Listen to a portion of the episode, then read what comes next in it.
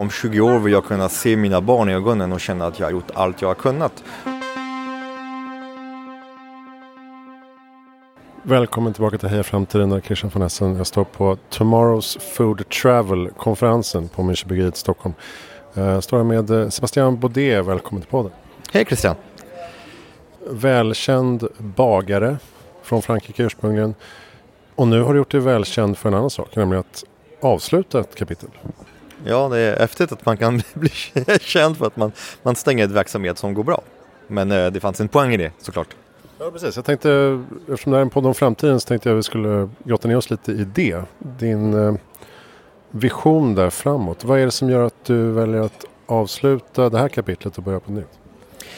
Ja, alltså det, är, eh, det här var ett projekt som var tänkt att bli ett år från början. Alltså bageriet på Söderhallarna.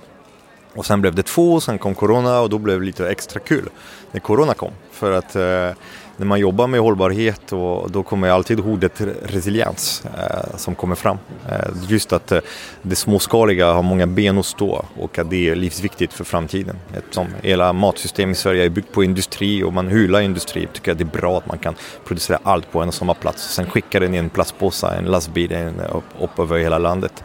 Och eh, efter tre år och eh, en fantastisk sista åren med, trots corona där vi har gått upp eh, 35 procent. När hela, hela annat eh, gick ner ganska mycket. Eh, då kände jag att uppdraget var avklarat och att det är sällan man stänger ett företag som går bra och, utan att man har gått in i vägen eller blivit sjuk eller, eller bara det har gått dåligt. Så att eh, jag vill också markera att eh, allt gott har ett slut och att eh, mitt arbete kring hållbarhet behöver också kanske att vara fri och befriat från allt ansvar och allt skuld och all den här snällhet som krävs när man har ett verksamhet. För man måste vara snäll och man måste vara smidig och lite mjäkigt. Och jag känner att tiden vi lever nu är, är, kräver allt annat än att vara snäll och mjäkigt. Att det krävs ju handlingskraft, det krävs ju att man sätter orden på problematiken, stoppar allt skit på bordet och börjar prata om elefanten i rummen. Och vad är det du ska göra då? Hur ska du attackera den här lilla utmaningen? Attackera är bra ord. Eh, attackera problematiken betyder att man, man kommer ju ta det det, det är faktiskt eh, eh, som värst och att, att största ansvaret som de bovarna lägger till det lägger den på konsumenten och inte ofta, inte så, alltså, ganska ofta man hör industri som säger varför gör ni inte det här? Ja, men för att konsumenterna är inte redo. De är inte beredda, de är inte utbildade, de har inte råd, de vill inte, de kan inte, de vet inte. Att man lägger allt, allt skuld på konsumenten. Medan uh, i min värld tycker jag att allt skuld sitter ju i förädlingsleden och de som faktiskt eh, tar fram råvarorna till vanliga människor. Jag tycker att en vanlig privatperson ska inte behöva veta allt jag vet om mat och matsystem. Det är vårt, vårt ansvar. Uh, så kockar, bagare, de som förädlar råvaror hela dagligvaruhandel, grossister, det är dags för dem att börja ta sitt ansvar och börja ta fram bra mat eh, på sina hyllor, sina kataloger och sina, sina, sina butiker. Eh, och se till så att den vanliga människan kan bara gå och handla och ändå göra en ansvarsfull handling utan att behöva veta. Jag, jag, jobbar ju också med ett magasin som heter Framtidens hållbara matsystem som vi gör tillsammans med livsmedelsföretagen. Just de här du vill påverka då kanske. Mm. Vad är ditt liksom, medskick? Hur ska vi bygga ett hållbart matsystem eh, givet de premisser som finns? Alltså det finns olika, olika lager och det, det, är inte en lösning för det här är ett komplext problem. Det är ett väldigt bred komplext problem som har, kräver många, många olika typer av lösningar. Så att eh, en av de lösningar jag är mest passionerad över det är det småskaliga. Alltså det där lilla som är extremt kostnadseffektivt, som ger extremt fina eh, eh råvaror och kvalitet och eh, som har ett, en resiliens, en flexibilitet som den stora industrin inte har. Eh, det har man sett under corona hur, hur de små företag som har många ben att stå kunde klara sig mycket bättre och växla blixtfort. Medan de stora mammuterna de fick kämpar och kämpar och sugit in en jävla massa pengar från, eh, som de har behövt. Eh, jag har inte fått ett öre stöd under corona och ändå kunnat utveckla min, min verksamhet och anställa fler, fler folk. Så att det är, eh, jag tror det är en, eh, den här industriell massproduktionsvärld måste växla. Jag tror inte på stora konceptet. De har gjort sitt. De har kanske varit bra efter andra världskriget när folk behövde, det var svält och det var, man skulle rationalisera matsystem. Nu lever vi i en tid där vi behöver mångfald, vi behöver småskaliga. Det är inte bara eh, bättre för miljö, det är också bättre för eh, upplevelsen. För nu är vi ändå här och pratar om, om Sverige som, som, som måltidsdestination och att skapa en, en, eh, en mångfaldig matsystem eh, som är hållbart på riktigt, inte bara på pappret, eh, skapa också eh, intressant innehåll. Hållbarhet är inte tråkigt, det är inte dyster. Alltså, typ på mitt bageri var ganska kända för, för, min, för min semla till exempel. Min semla var hållbart, det var fjällkogrädde, det var en bulle, ölandsvete, gårdsägg, du vet såhär, oraffinerat socker, oraffinerat havssalt, surat smör, alltså tipptopp råvaror och allt och, och den var också godare. Den var inte bara hållbart, att man fick mer njutning av den för att den blev också godare och det är lite eh, framtiden av hållbarhet, när man gör hållbarhet den attraktiv, bättre och, eh, och inte som många målar det nu, att det är så här dyster, man måste ge upp massa saker och det är tråkigt. Det ska vara kul att, att, att driva hållbarheten mot det hållet. Men du är väl du är entreprenör i blodet, är du inte sugen på att starta nya verksamheter nu?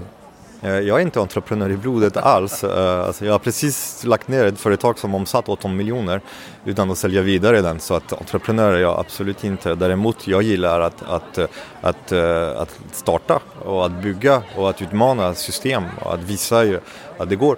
Alltså, på tre år jag har gått från en idealist, en drömmare, någon som tycker att oh, oh, nu ska man klappa baguetten med lite så att den blir egenhållbart till att uh, bli ganska, uh, det här är rationellt, alltså hållbarhet, ekologi, eh, är båda hållbart eh, på, på eh, miljömässigt men också mänskligt mässigt. Det har också varit många anställda som har jobbat hos mig som har mått bra, som har integrerat ett arbetsmiljö som är tuff, som har hittat en, en syfte, som har samlat otroligt mycket kunskap och, och det är också det, det är viktigt att använda mat och, eh, och eh, sin verksamhet till att jobba lite bredare. Inte bara jobba, jag jobbar med mat, jag jobbar om eh, kolla mat. Alltså vi har jobbat jättemycket med ekonomi, jättemycket med jämställdhet, med alltså hur man har löst problem och tagit sitt ansvar i det hela breddar. Det är viktigt också att jobba med alla problem samtidigt, inte bara fokusera på, på det, man, det man driver för verksamhet.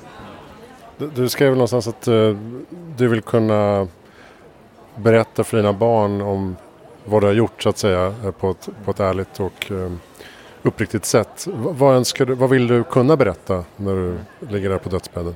Det var mer för att jag blev så trakasserad och frågor över varför, varför du lämnar oss, varför ska du sluta? Och ibland har jag blivit så trött på att svara på den frågan så att jag hamnar ju, alltså vad ska jag säga till mina barn om 20 år när allt har gått åt helvete? Om jag har stått där och vad har du gjort? Ja, men jag har penslat lite bullar och knyttat lite bullar och snittat lite ax på limpor och, och gett till eh, en av världens mest privilegierade människor. Eh, bara försöker dem med lite bekräfta dem sin miljötänke medan de fortsätter leva som de hade fyra planeter. Eh, det vill jag inte. När jag om 20 år vill jag kunna se mina barn i ögonen och känna att jag har gjort allt jag har kunnat. Och det här gäller alla och man är olika utrustad. Eh, vissa kanske kan jobba på sin nivå hemma med hur man handlar kläder, hur man omlar möbler, hur man lagar mat, vad man köper för råvaror, värderingsmässigt, man, hur man pratar med sina pojkar, med sina flickor. Alltså det, det ingår det hela. Och eh, för andra då har man ett bredare målgrupp och ett bredare krets eh, och det har jag och då vill jag ta mitt ansvar. Jag vill kunna utnyttja maximalt det verktyget jag har. Det vill säga att jag når till många och jag når till folk som är eh, intresserade. Och jag har hittat ett språk och jag har också samlat en kunskap och jag har en fot i forskning, en fot i förädling, en fot i primärsektor, en fot i industri, en fot i, i, i jag är också en privatperson som konsumerar och har ett hem att sköta. Och uh, använda det här till maximalt helt enkelt. Det vill jag. Det vill jag kunna säga. Jag tror att alla som har barn borde också tänka på det sättet. För det är så cyniskt hur hela systemet är byggt idag. Har du något eh, konkret projekt som du vet kommer jobba med eller är, det, är du helt liksom, fri nu att göra vad Eh, både och. Jag är fri och jag har en jävla massa projekt. Uh, och nu är jag på så konstruktionstid. Jag stängde bageriet för en månad sedan.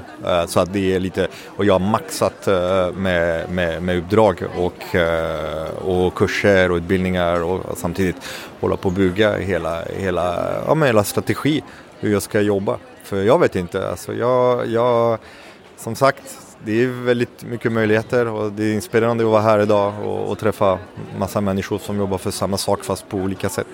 Så att eh, många, många projekt och, och vi får se. Alltså det är, jag vill inte heller vara för, för proaktiv. Eh, man får inte sälja skinn på en björn innan man har dödat den, eller hur? Precis. Stort lycka till. Tack snälla Sebastian Baudet för att du eh, ville prata med mig. Tack så mycket. Okej, tack. Det här var Heja Framtiden med Kirsa Vanessa från uh, Tomorrow's Food Travel. Tack för att du lyssnade.